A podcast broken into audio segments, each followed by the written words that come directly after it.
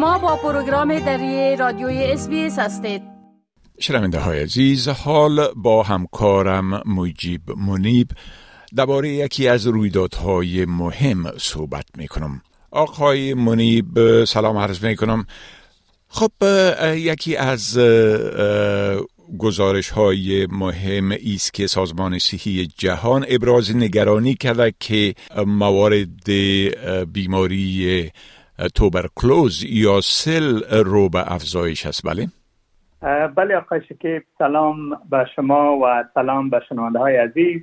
توبرکلوز یا سل از خطرناکترین بیماری های ساری است که به آسانی از یک فرد به فرد دیگر سرایت می کند در حال حاضر توبرکلوز بیشتر از کووید 19 یا اید افراد را می کشد آماری که اخیرا به نشر رسیده نشان می دهد که توبرکلوز هر روز جان حدود 4400 نفر از جمله 700 کودک را می گیرد. آمار نشر شده در وبسایت سازمان جهانی صحت نشان می دهد که در سال 2021 در مجموع یک شش میلیون نفر بر اثر ابتلا به بیماری سل جان خود را از دست دادند. تخمین شده که بین سالهای 2000 و 2021 جان 74 میلیون نفر از طریق تشخیص و درمان بیماری سل نجات داده شده است.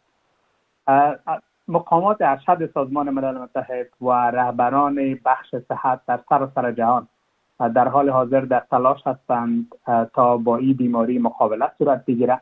بر اساس یک توافق که در نشست سازمان ملل متحد در سال 2018 صورت گرفته بود آمده که به خاطر مبارزه با بیماری توبرکلوز همه ساله کشورها و سازمان هایی که مبارزه می‌کنند به حدود 13 میلیارد دلار نیاز دارند و پایان دادن به همگیری بیماری توبرکلوز تا سال 2030 از جمله اهداف صحی صحی و توسعه پایدار سازمان ملل متحد شمرده می شود بله خب گفته شده که در کشورهای جنگ زده به خصوص ای بیماری رو به افزایش است. بله؟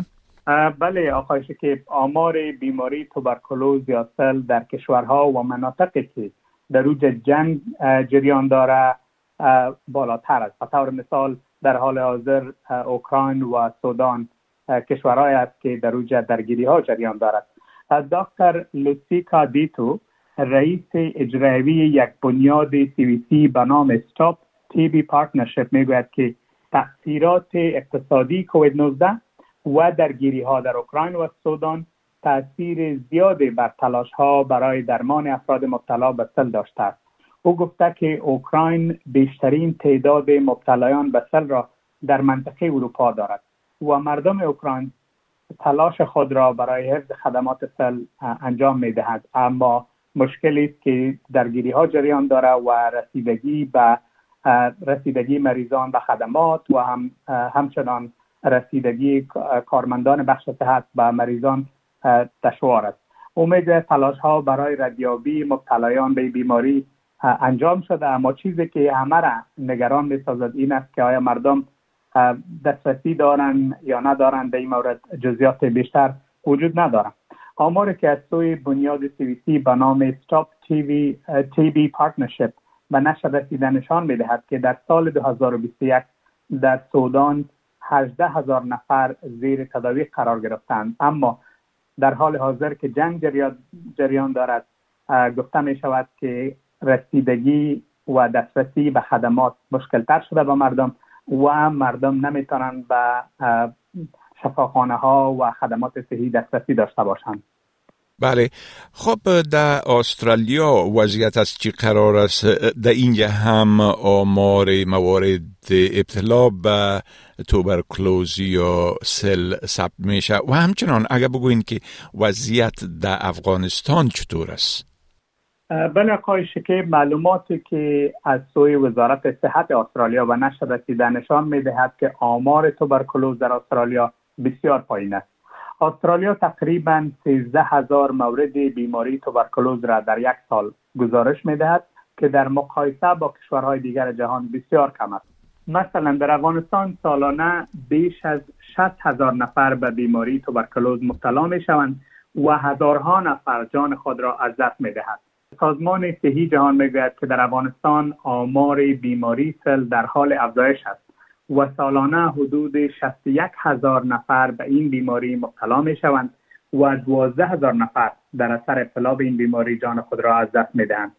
علائم مرض توبرکلوز شامل سرفه با بلغم تب خفیف و دوامدار بیشتیایی باختن وزن درد در ناحیه قفس سینه و بعضا نفس تنگی می باشد سل یک مرض قابل علاج است اما اگر تداوی نشود کشنده ثابت شده می تواند اگر در جمع شنونده های ما کسی باشند که علائم این مرض را داشته باشند و نگران صحت خود هستند می توانند با دکتر فامیلی خود مراجعه کنند تا مرضشان تشخیص و تداوی شود.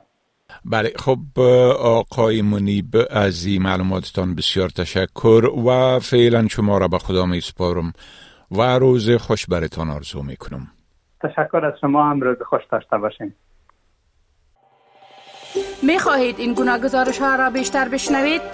با این گزارشات از طریق اپل پادکاست، گوگل پادکاست، سپاتیفای و یا هر جایی که پادکاستتان را می گیرید گوش دهید.